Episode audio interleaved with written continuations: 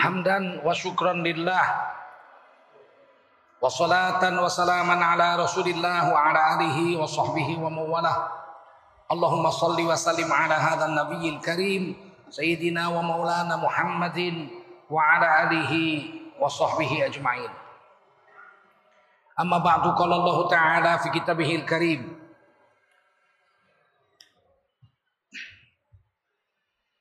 أعوذ بالله من الشيطان الرجيم. بسم الله الرحمن الرحيم. ما كان محمد أبا أحد من رجالكم ولكن ولكن رسول الله وخاتم النبيين. وكان الله بكل شيء عليما. يا أيها الذين آمنوا اذكروا الله ذكرا كثيرا. وسبحوه بكرة وأصيلا قال رسول الله صلى الله عليه وسلم من خرج في طلب العلم فهو في سبيل الله حتى يرجع Baginda Rasul bersabda siapa keluar untuk mendapatkan ilmu orang itu adalah orang yang berjihad fisabilillah sampai dia kembali ke tempatnya Mudah-mudahan kita semua mendapatkan pahala jihad dari Allah Subhanahu wa taala. Amin. Sadaqallahul azim wa sadaqa rasuluhun nabiyul karim wa nahnu ala dzalika minasy syahidin wasyakirin walhamdulillahi rabbil alamin. Para ulama, tuan-tuan guru yang mulia. Ada ketua Majelis Ulama Indonesia, ada protokol kita, ada imam kita tadi, qori kita, para ulama, para ustadz yang mulia yang dimuliakan Allah SWT.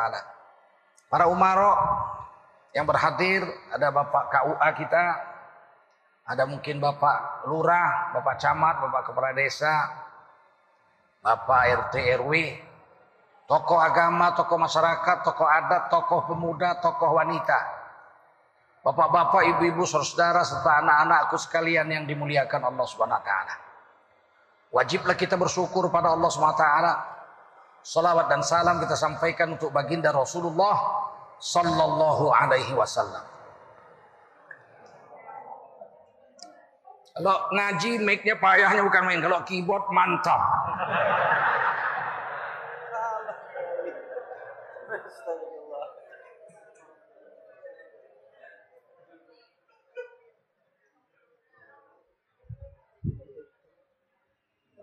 Wajiblah kita bersyukur pada Allah SWT. Salawat dan salam kita sampaikan untuk baginda Rasulullah Sallallahu Alaihi Wasallam.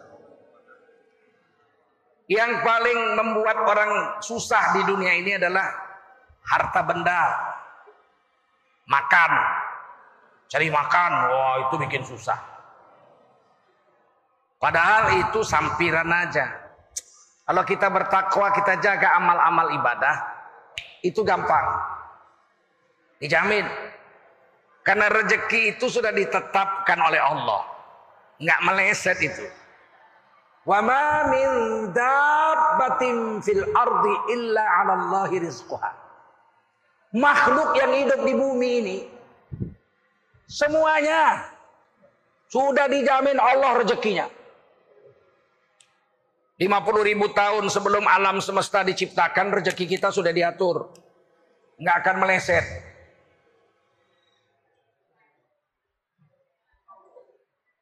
Innallaha yarzuqu man yasha bighairi hisab. Sesungguhnya Allah memberi rezeki kepada siapa Allah mau tanpa perhitungan banyaknya. Kalau Allah mau kasih rezeki aman. Dan itu sudah ditetapkan. Kalau rezeki itu rezeki saya, siapa pun nggak bisa mengambil rezeki saya. Kalau itu rezeki bapak sampai kiamat nggak ada orang yang bisa ngambil rezeki bapak. Nah kan kita kalau mencuri dapat juga. Sepeda motor orang kita curi. Eh yang bisa dicuri itu milik milik orang. harta orang. Rezekinya nggak bisa. Kita harus bedakan antara rezeki dengan milik. Banyak orang punya milik, mobilnya empat, istrinya empat, rumahnya sepuluh. Tapi Allah takdirkan rezekinya sedikit. Miliknya, duitnya 100 miliar. Duit semua nggak campur daun. Kaya apa nggak? Duitnya 100 miliar, bininya empat, rumahnya empat, mobilnya sepuluh. Kebun sawitnya seribu hektar. Miliknya semua. Tapi Allah tetapkan bukan rezekinya mau apa. Tiba-tiba kena penyakit namanya stroke. Bengkok. Mobilnya empat. Ke mana-mana naik kursi roda. Yang naik mobil supirnya sama pembantunya. Mau apa? Bukan rezekinya.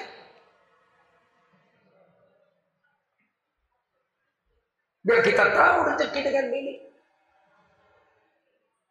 Stroke, duit 100 miliar. Apa pun tidak boleh dimakan. Semua nggak boleh. Pembantunya datang pagi-pagi. Selamat pagi tuan. Selamat pagi ya. Ya, saya tuan. Pagi ini kue masak. Hari kambing Loh, mana boleh Tuhan makan kari kambing, Tuhan sudah setruk. Kalau makan kari kambing langsung jiut. Apa jiut? Inna lillahi wa inna ilaihi rajiun. Diam dia. Kalau begitu saya bikinkan sup kepiting. Hah? Setruk mau makan sup kepiting langsung game over. Mulai nangis. Lo gitu nggak usah makan nasi ya. Pagi ini kue masak kolak pisang yang manis. Nggak boleh tuan, tuan kan diabetes. Nangis. Uh, udah kalau begitu makan ikan asin aja kayak orang-orang miskin. Nggak boleh tuan darah tinggi. Nggak boleh makan ikan asin. Ya kalau gitu mati aja ya nggak usah makan sekalian. Kata Wagiem, tenang tuan. Saya sudah belajar sama dokter gizi makanan sehat untuk orang stroke. Setengah jam jadi. Bikinlah. Ini dia makanan sehat. Dilihat bubur pakai rebus bayam nggak pakai garam di blender. Ya ini nggak usah pakai lagi dia. Cukup satu. Persis muntah kucing. Dilihatnya, aduh ya Itu pun nggak bisa suap sendiri, tangannya bengkok. Disuapkan bininya keempat, bininya empat. Yang bentuk bodinya macam gitar listrik. Yang keempat itu tujuh kali lebih cantik dari Saharini. Disuapkan meler-meler. Orang mulutnya bengkok. Bininya begitu cantik, jangankan dipegang, jangankan dipakai, dipegang nggak nyampe. Biar tahu milik dengan rezeki, paham? Dua minggu kemudian mati. Apa? Siap makan dilihatnya Wagiem buka kulkas. Kulkasnya 4 meter. Di tempat khusus. Orang kaya. Saya udah lihat kawan saya. Kulkasnya 4 meter. Dibuka. Diambil semua Wagiem. Dia lihat Kue semua boleh kue makan ya Yem. Inilah nasi orang miskin tuan, semua boleh dimakan. Uh, badan wagim sebesar kulkas. Padahal gajinya sejuta sebulan. Semua boleh dia makan. Ah, seminggu kemudian dua minggu kemudian mati. Empat bulan kemudian bininya kawin lagi. Suami baru lihat di garasi mobil ada benda yang diselimuti. Dibuka motor gede. Harley Davidson. Ini motor siapa? Motor suami almarhum kemarin. Udah pernah dipakai? Belum, baru sampai langsung stroke. Kalau begitu nanti sore kita tes. Jalan-jalanlah keliling Bandar Masilau. Biniknya peluk pinggang habis sholat asar duduk ngangkang di belakang. Tom, tom, tom, tom, tom, keliling. Lewat kuburan.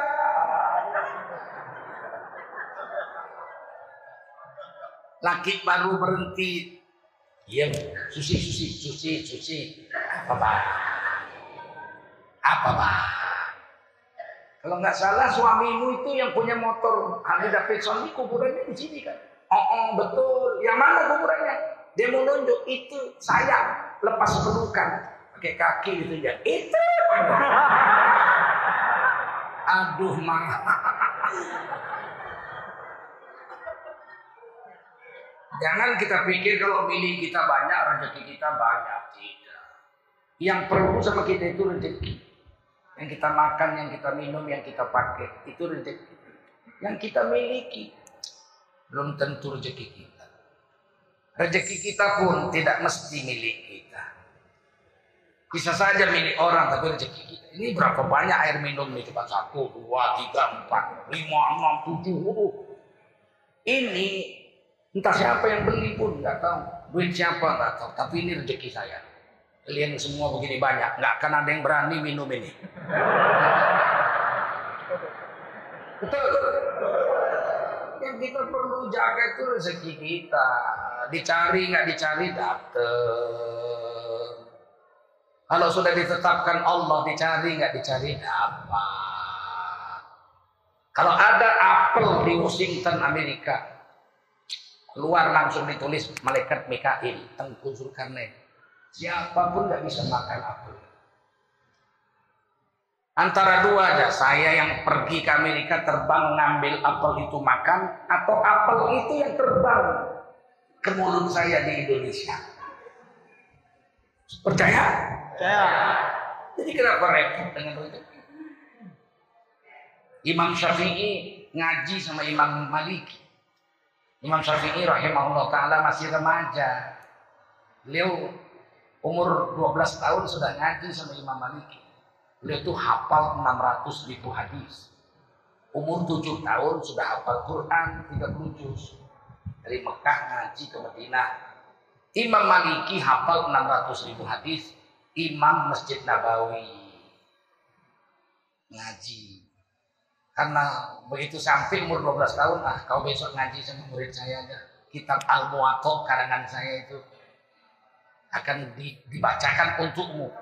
Kata Imam Syafi'i saya sudah hafal.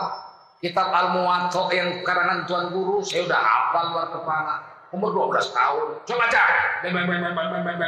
Hafal. Udah kalau gitu kamu nggak usah ngaji sama siapa duduk di sebelah saya aja. Jadi murid tukang ngambil air minum kalau gurunya mau berdiri dituntun, pokoknya tongkatnya Imam Maliki lah. Imam Syafi'i. Satu hari Imam Syafi'i bilang, rezeki itu harus dicari tuan guru. Kata gurunya. Kalau udah rezeki dicari, enggak cari dapat. Kata Imam Syafi'i masih muda waktu itu. Kalau nggak dicari mana datang rezeki tuan guru? Ah, enggak. Nggak dicari juga kalau rezeki datang. Berbeda pendapat. Satu hari Imam Syafi'i bilang, saya permisi nggak ngaji hari ini. Dia pergi kebun anggur, dia metik anggur. Satu harian kerja metik anggur. Dapatlah upah satu keranjang anggur.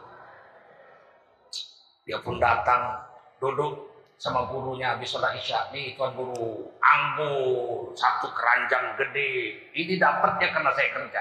Kalau nggak kerja mana dapat makan.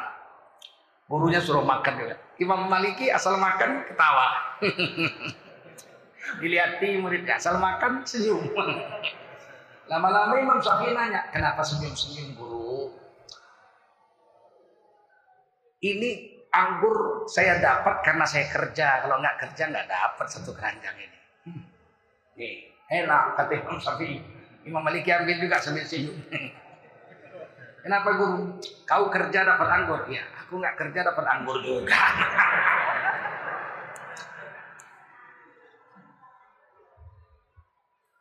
Orang kadang-kadang nggak ngerti agama. Allah ditapikan. Allah ditapikan. Kurang ajar betul. Saya ngaji kecil-kecil. La ilaha illallah. Ada dua kalimat. La ilaha dinafikan. Selain Allah nggak ada hebatnya, nggak ada kekuatan, nggak ada daya upaya, nggak layak disembah. Dinis, diisbatkan kepada Allah. Illallah. Hanya Allah yang layak disembah. Hanya Allah yang hebat. Hanya Allah yang perkasa. Hanya Allah yang beri rezeki. La ilaha selain Allah nggak ada apa-apanya. Jadi dinafikan, diisbatkan hanya Allah. Dari kecil udah diajari nafi isbat. Sekarang Allah ditafikan. Allah yang memberi rezeki. Apa kata orang? Memang saya yakin yang memberi rezeki itu Allah. Tapi Allah ditapi. Rezeki Allah yang bangun, yang bagi betul. Tapi kalau saya nggak kerja, mana dapat rezeki? Eh, eh, eh, eh, eh. Ditapikan Allah. Tidak pak, rezeki Allah yang memberi. Betul, tapi kalau nggak kerja, berapa banyak orang nggak kerja dapat rezeki? Oh mana bisa? Hmm. Berjuta-juta orang nggak kerja dapat rezeki. Siapa?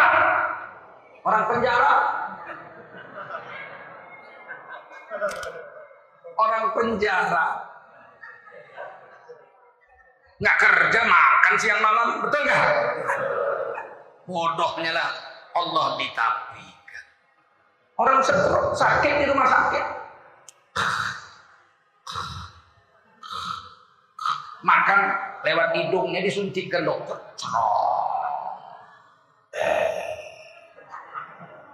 Siapa bilang?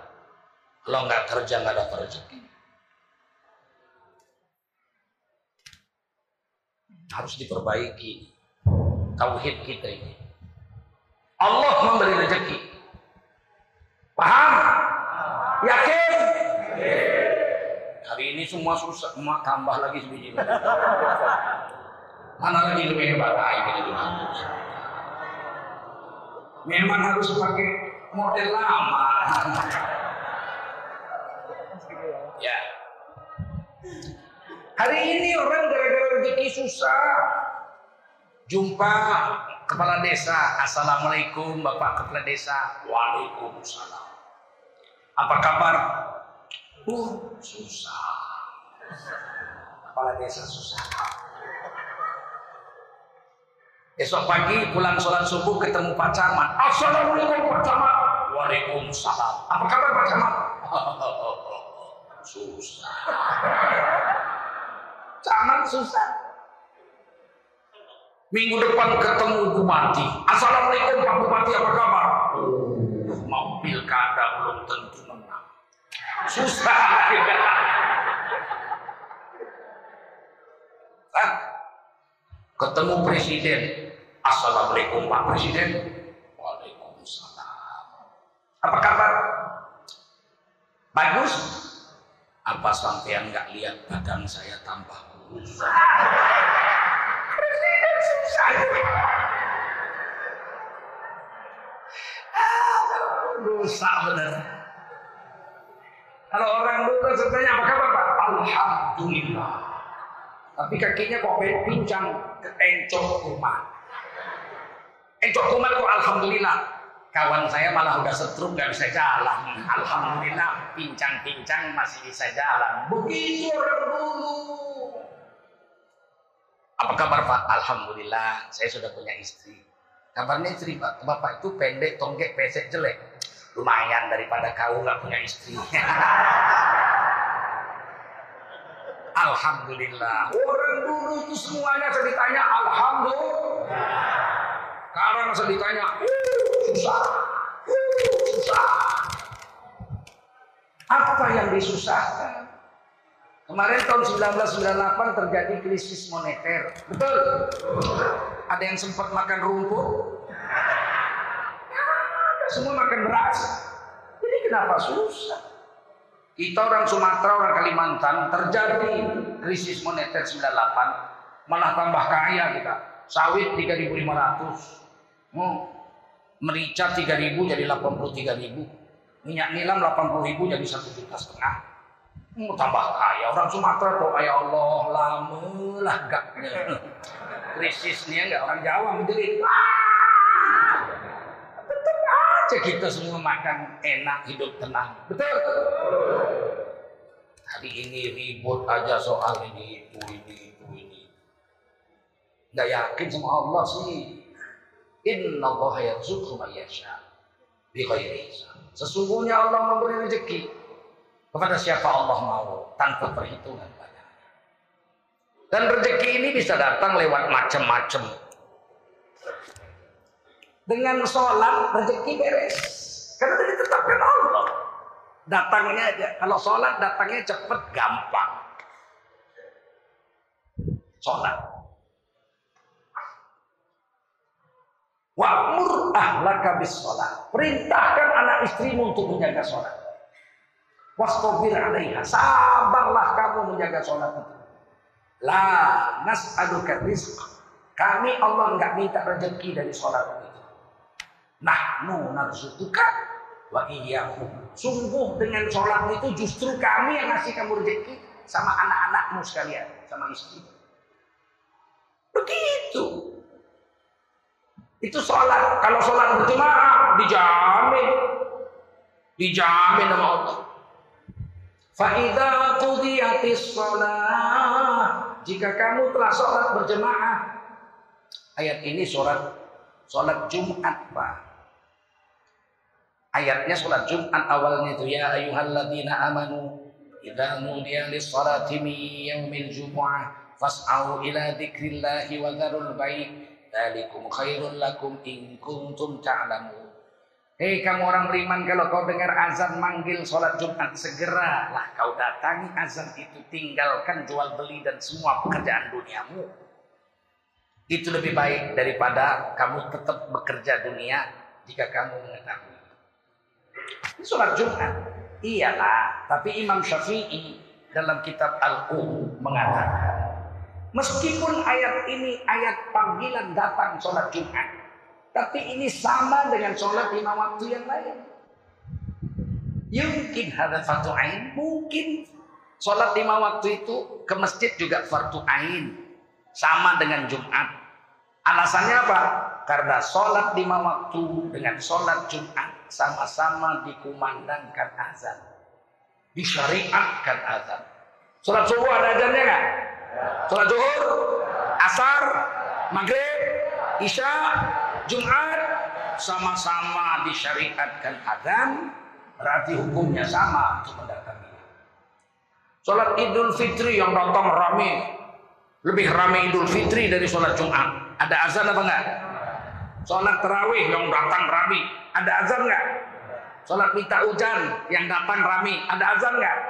Sholat jenazah ada azan enggak? Berarti enggak wajib. Paham? Itu kata Imam Syafi'i. Macam mana kita mau membantah Imam Syafi'i? Ada orang sekarang, jangan ikut Imam Syafi'i Pak. Kita harus ikut Nabi. Lah, Imam Syafi'i memang ikut siapa? Memang Imam Syafi'i ikut majalah Tempo. Imam Syafi'i ikut Nabi, beliau hafal 700, 600 ribu hadis, ditambah hafal Quran, ahli bahasa Arab, orang Quraisy. Walaupun Imam Syafi'i hebat, tapi dia bukan Nabi. Dia tentu bisa bersalah. Apalagi kau. Kalau Imam Syafi'i salah, apalagi kita. Betul tak? Betul? Nggak tahu diuntung. Apa kata Imam Syafi'i? Ini azan Jumat dengan azan lima waktu sama. Faidah kudiyati sholat. Jika kau telah sholat berjemaah. Fantashiru fil ar. Bertebaranlah kamu di muka bumi. Ini perintah di fi'il amal. Tapi bukan perintah wajib, bukan perintah sunat. Ini perintah mubah. Boleh kamu jualan lagi, kerja lagi setelah sholat Jumat atau sholat lima waktu. Karena kalau itu nggak ada perintah pertebaranlah kamu di muka bumi, maka jualan itu jadi haram sampai besok pagi. Supaya halal lepas sholat Jumat kamu boleh cari makan lagi. Gitu maksudnya itu. Fantashiru fil arti bertebaranlah kamu di muka bumi. Wabtahu min fadlillah. Carilah rezeki dari Tuhan.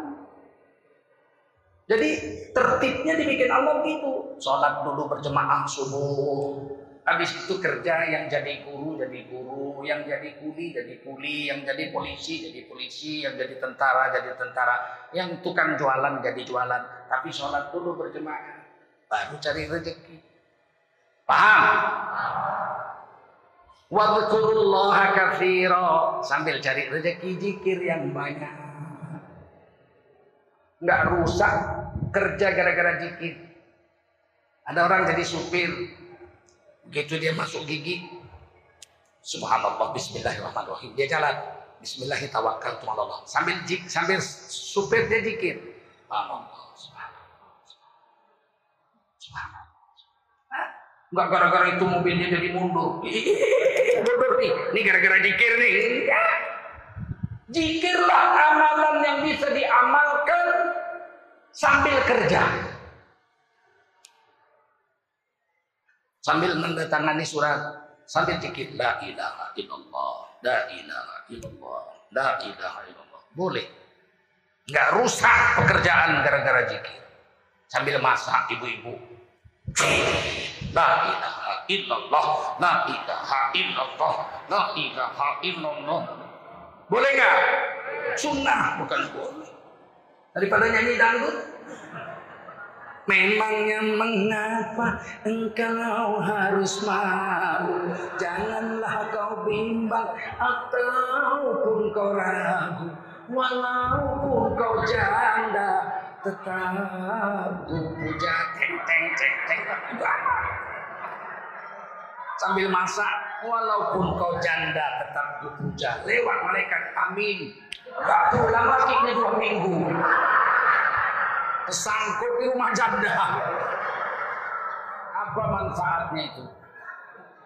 Jadi jikir mendatangkan reja, sholat mendatangkan reja, distempel. La'allakum tuflihun. Pasti kalau kamu sholat berjemaah baru kerja, pasti kamu termasuk dalam golongan orang yang sukses. Tak ada orang gara-gara sholat miskin. Saya masih kecil. Kata guru saya, kalau kita beramal soleh, tidak mungkin miskin. Sedekah, naik haji, umroh. Pokoknya beramal soleh. Sholat, tidak mungkin jadi miskin. Surga jadi kasih sama Allah kepada orang yang jaga sholat, yang jaga jikir, yang jaga sedekah, yang naik haji. Masa dunia yang jelek begini nggak dapat. Saya tes, itulah waktu kecil saya begitu. Mau tahu aja saya. Ada orang ngambil-ngambil nasi bekas di tong sampah gitu. Pengemis lah gitu, orang miskin. Saya datangi, bang, apa kamu? Marah dia. Enggak mau nanya aja bang, kok nasi dibuang diambil? Lapar, tahu kau lapar. Aku orang miskin, tahu kau. Oh, kenapa bang miskin? Demo. Apa yang kau tanya? Iya aku mau tahu aja kenapa bang miskin. Umumnya karena jahat. Pasti dia bilang, dulu aku durhaka sama bapak ibu. Sering ku bentak-bentak, ku pukul bapak ibu. Sekarang mereka udah mati, melarat aku sekarang. Umumnya yang miskin itu anak durhaka. Ada lagi kenapa miskin bang? Dan pernah sholat aku. Ada lagi aku miskin karena penjudi. Habis harta dijudikan, bini pun melarikan diri. Melarat sekarang. Oh berjudi. Aku pemabuk dulu dek maka aku jadi begini. Enggak ada orang bang kenapa miskin? Inilah gara-gara pergi haji, pulang haji jadi begini. Betul. Kenapa bang ini miskin? Ini gara-gara saya ini rajin umroh maka jadi begini. Nah, rajin sholat, dah. Karena kalau kita sholat, rezeki beres. Setuju? Kalau kita jikir, rezeki beres. Ini kan setan aja. Zaman modern jikir-jikir. Ada duit, beres semua urusan. Sumut, semua urusan mesti uang tunai. Sampai mau jadi bupati pun kasih sana, kasih sini, kasih sana. Bapak Ibu pilih saya beras 5 kilo. Bapak Ibu pilih saya duit 100 ribu. Udah jadi dicurinya lah. 70 ton diambilnya beras. Semen dimakannya, jembatan dimakannya. Gara-gara Bapak Ibu minta. Nggak minta aja dia mencuri, apalagi kita minta. Betul? Mana bisa Pak, menyelesaikan masalah nggak bisa dengan jikir Pak, harus dengan duit. Siapa bilang? Waktu saya masih SMP, saya pergi ke Jakarta. Saya menolak naik kapal terbang, menolak naik kapal laut. Saya minta naik bus.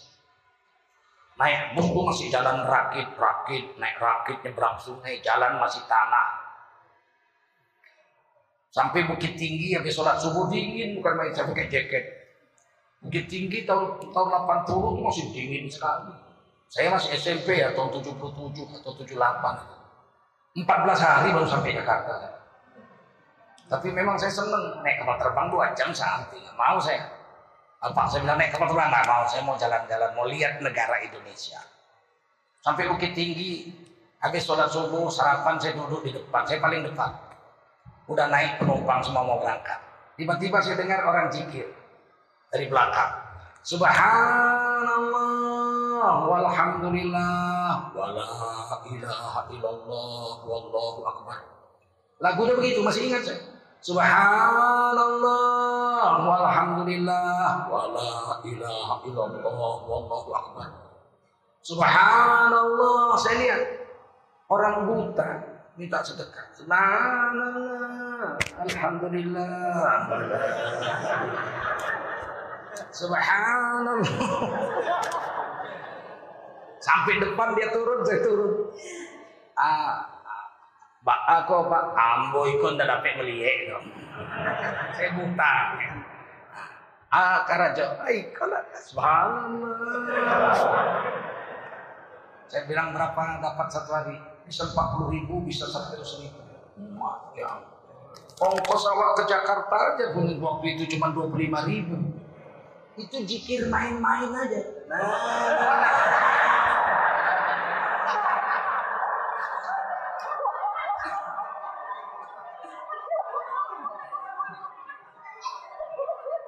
Bagaimana jikir betul-betul? Habis sholat ditikar sembahyang, subhanallah. Sambil nangis-nangis. Bagaimana dahsyatnya rezeki yang datang? Cuman keyakinan nggak ada aja. Nabi Yunus dimakan ikan. Betul? Di pinggangnya ada pisau. Ke mana-mana orang dulu pasti ada pisau di pinggangnya. Betul? Ada tongkat. Nggak ada nabi nggak pakai tongkat. Semua nabi pakai tongkat. Dimakan ikan. Nabi Yunus nggak tusuk jantung ikan mati. Cabut pisau belah perut ikan. Keluar. Kalau keluar mati Nabi Yunus. Sebab ikannya setelah makan tidur di dasar laut. Nabi Yunus nggak berusaha bunuh ikan buka mulutnya berenang keluar. Kalau itu dilakukan justru mati Nabi Yunus Nabi Yunus lakukan 40 hari di perut ikan zikir. La ilaha illa anta subhanak. Semua, semua. La ilaha illa anta subhanaka. Inni kuntu minaz zalimin. Nabi Yunus gak bilang la ilaha illahu, tiada Tuhan selain dia, tapi la ilaha illa anta seolah-olah ada di depannya, dekat sekali, akrab sekali. Subhanaka maha suci engkau ya Allah. Ini kuntu minal zalimin. Aku dimakan ikan bukan salahmu ya Allah, tapi aku yang salah. 40 hari zikir, nggak makan, nggak minum. Apa yang terjadi setelah 40 hari ikan bangun keliling laut dimuntahkan Nabi Yunus di kampung halamannya sendiri. Jadi nggak jauh-jauh balik ke kampung halamannya. Wah, udah nggak bisa bangun, 40 hari nggak makan tergeletak gitu di pinggir laut. Badan hancur semua kena ini. Asam lambung ikan itu. Oh, kulitnya udah robek-robek. Lemes. Apa yang terjadi? Di atas bukit ada kambing sedang menyusukan anaknya. Ditendang anak-anaknya, lari dia ke bawah. Be. Dikangkangi Nabi Yunus. Diletakkannya puting susunya ke mulut Nabi Yunus. Nabi Yunus tidak bisa.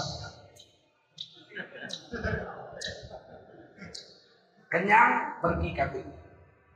Berapa jam kemudian datang lagi. Kasih lagi minum. Sampai Nabi Yunus bisa duduk. Udah duduk, tumbuh labu di sampingnya. Di pinggir laut, di tanah pasir, tumbuh labu. Baru diambilnya pisau. Dia belah buah labu itu langsung berbuah masa dimakan. Jadi kalau orang sakit perut, obatnya labu. Kalau orang kulitnya nggak mulus, minum susu kambing. Ibu-ibu biar mulut, biar mulus kulitnya susu kambing. Bukan minum tua. Paham? يا الله يا بصير يا سميع يا عليم يا حي يا قيوم برحمتك استغيث